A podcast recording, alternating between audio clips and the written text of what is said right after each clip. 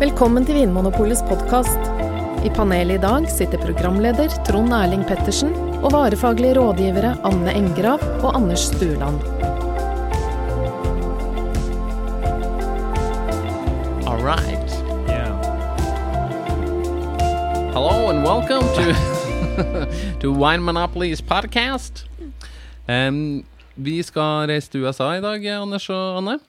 Det er takket være en eh, lytter som heter Stian Østvold Ingvaldsen. Som eh, har sendt en mail til oss, og der står det Hei. Først og fremst vil jeg bare skrive at jeg er en stor fan av podkasten, og at jeg har hørt gjennom det aller meste av det dere har laget i løpet av pappapermen min. Det hørtes deilig ut. Gå rundt og trille vogn og høre på vinpodkast. Det kunne jeg tenkt meg å gjøre. Eh, utrolig behagelig og lærerikt å høre på. Takk skal du ha, Stian. Det var hyggelig. Og så ber han oss å snakke om Oregon i USA. Oregon er på en måte lillebroren fra USA. Men det dere har på polet, som vinklubben min har smakt, holder et fantastisk nivå. Eh, Det er spesielt en gamé derifra som jeg har blitt hodestups forelsket i. Kan dere fortelle litt om hva som kjennetegner Oregon? Er det noe de er spesielt gode på? Er det noen typiske forskjeller på California og Oregon? Keep up the good work! Hilsen mat- og vinklubben TMD, representert ved Stian Ingvaldsen. TMD.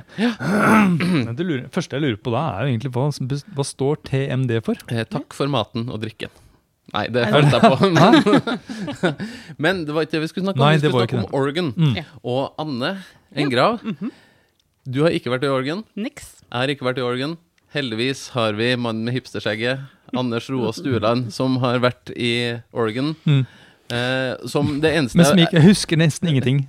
Å nei, gikk det hardt for seg i Oregon? Eh, for det jeg forbinder med Oregon, først og fremst er liksom hovedstaden Portland, som jeg vet er litt sånn hipster-hovedstaden nesten i USA. Mm. Eh, føltes det sånn da du var der? Gikk du og vassa i eh, trucker caps og eh, skjegg og skateboard? Ja, det var jo um, Det var ikke så ulikt egentlig folk i Oslo, tenker jeg. Det var egentlig my det var mye med Oregon som jeg tenker uh, minner litt om Norge. Ok, Ja. hva da? Uh, det er mye skog. I Mhm. hvert fall eh, den delen som er ut mot kysten. Klimaet er ikke sånn fryktelig Det er vel varmere, selvfølgelig, men det er ikke sånn uh, mye varmere. Mm. Det regner, regner en del om høsten, og Ja. Folk er litt sånn Litt sånn sosialdemokratisk eh, anlagt også, føler jeg. Ja. Ja. Ja. ja, USAs svar på Norge. Mm. Eh, geografisk så må vi jo plassere det litt. Det ligger på vestkysten av USA. Mm. Nord for California. Ja. Sør for staten Washington, det er Seattle ligger. Ja. Og sånn eh, midt på eh, litt sånn nordvestre hjørne av USA, men Mm. eh, lenger sør enn Washington og Seattle. ja, men det ligger jo ganske langt nord. Ja, Mm. Så det er jo, påvirkes jo av eh, havet, altså Stillehavet. Mm. Selvfølgelig, men jeg, siden dere ikke har vært i eh, Oregon, hva er det dere liksom ser for dere da? Nei, jeg lurer egentlig på vinområdene. Hvor langt ut ved kysten ligger de? Det er altså en sånn fjellkjede som går, som skiller eh, liksom, ah, havet og vinområdene. Mm. Ja. Det, nå husker jeg ikke helt farta hva den heter, men sånn at det er et godt stykke inn i landet. Mm. Eh, men så er det da en sånn korridor som ligger eh, et lite stykke sør i eh, Oregon. Mm. Som da hvor eh, en del sånn eh, havluft siger inn, men også tar også med seg litt, eh, litt tåke og sånt. Men det er et sånt, eh, noe som kjøler spesielt den delen i Willamette Valley Mm. Litt ned, da, som gjør at du, det blir ikke så fryktelig varmt, selv om det ligger litt, sånn litt inn i landet. Ja, og det er kanskje det mest kjente underområdet i Oregon, er den dalen som heter Willamette Valley. Mm. Mm. Det er det jo. Og eh, jeg tror jeg leste et sted at det er et sånt relativt kjølig klima, at det er på en måte mm, det er nesten mer sånn mar mest marginale klimaet på vestkysten av USA når det Mm. gjelder dyrking av druer. Mm. Eh, og det er kanskje nettopp derfor at det er litt sånn burgundvarianter som, som dyrkes der, da. Ja, helt at det er på en måte ikke Cabernet Sauvignon sånn som i Mm. California lenger sør, men Mm. det er mer sånn Pinot Noir og Chardonnay og Mm.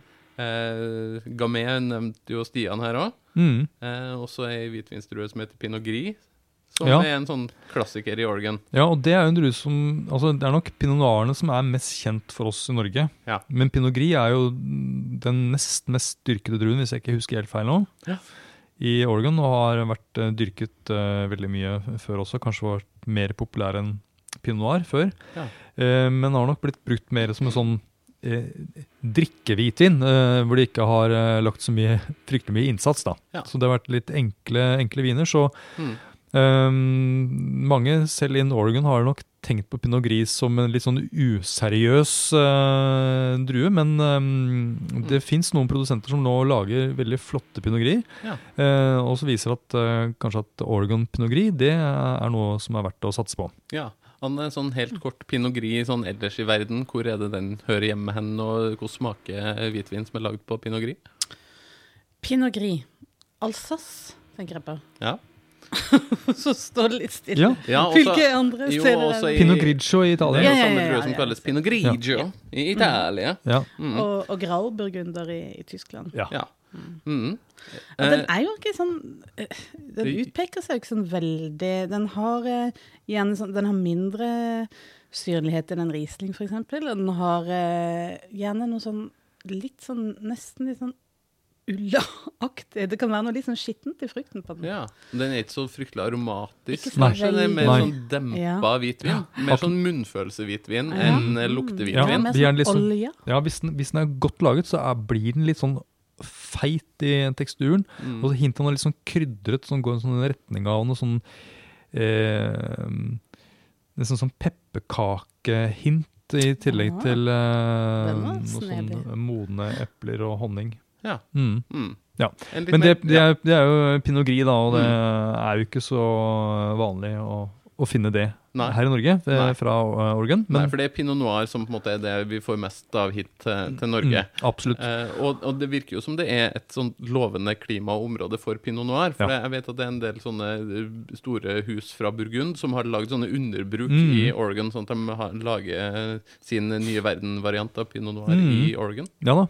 Og folk fra California også som drar opp og har noen prosjekter der oppe. Det er nok, ja, som du sier, på grunn av at klimaet er litt kjøligere, og det gir jo da eh, generelt litt friskere pinot enn det som har vært vanlig i California. Men nå har det jo skjedd endringer i California også, hvor eh, de kanskje dyrker pinot eh, litt lenger ut mot kysten, eller hvor det er litt, litt kaldere, da, og legger om til en litt annen type stil. Men Oregon pinot har i hvert fall eh, markert seg som noe, et alternativ til California pinot noir, sånn som den Mm. var før. Ja.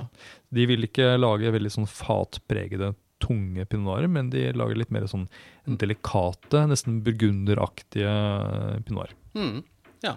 Eh, og det er ikke noe billige viner nødvendigvis. Nei, eh, USA, altså vin fra USA er, pleier jo ikke å være spesielt eh, billig, så jeg tenker en pinot noir eh, starter fra sånn 200 kroner og så oppover. Mm. Så det er et, eh, et sted i USA som på en måte satser på kvalitet, og der Mm. man tar seg betalt for eh, vinene og lager dem på en ordentlig måte. Det er Mm. ikke noe sånn masseprodusert Nei, pinot noir. Og det er veldig få store eh, produsenter. Ja. De, eh, vinmarksarealet til produsentene er sånn, sånn moderate i størrelse. Mm.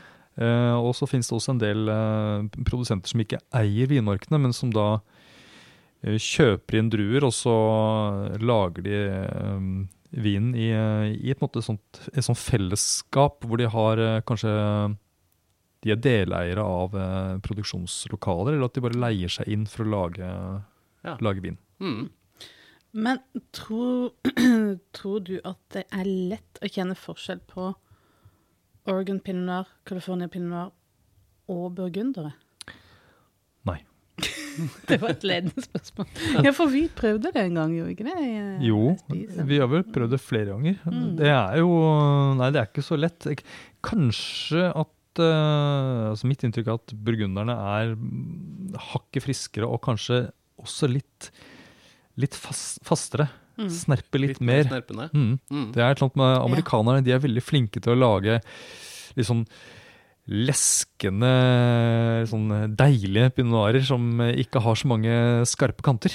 De er litt rausere enn eh, franskmennene, Mm. på en måte. Ja.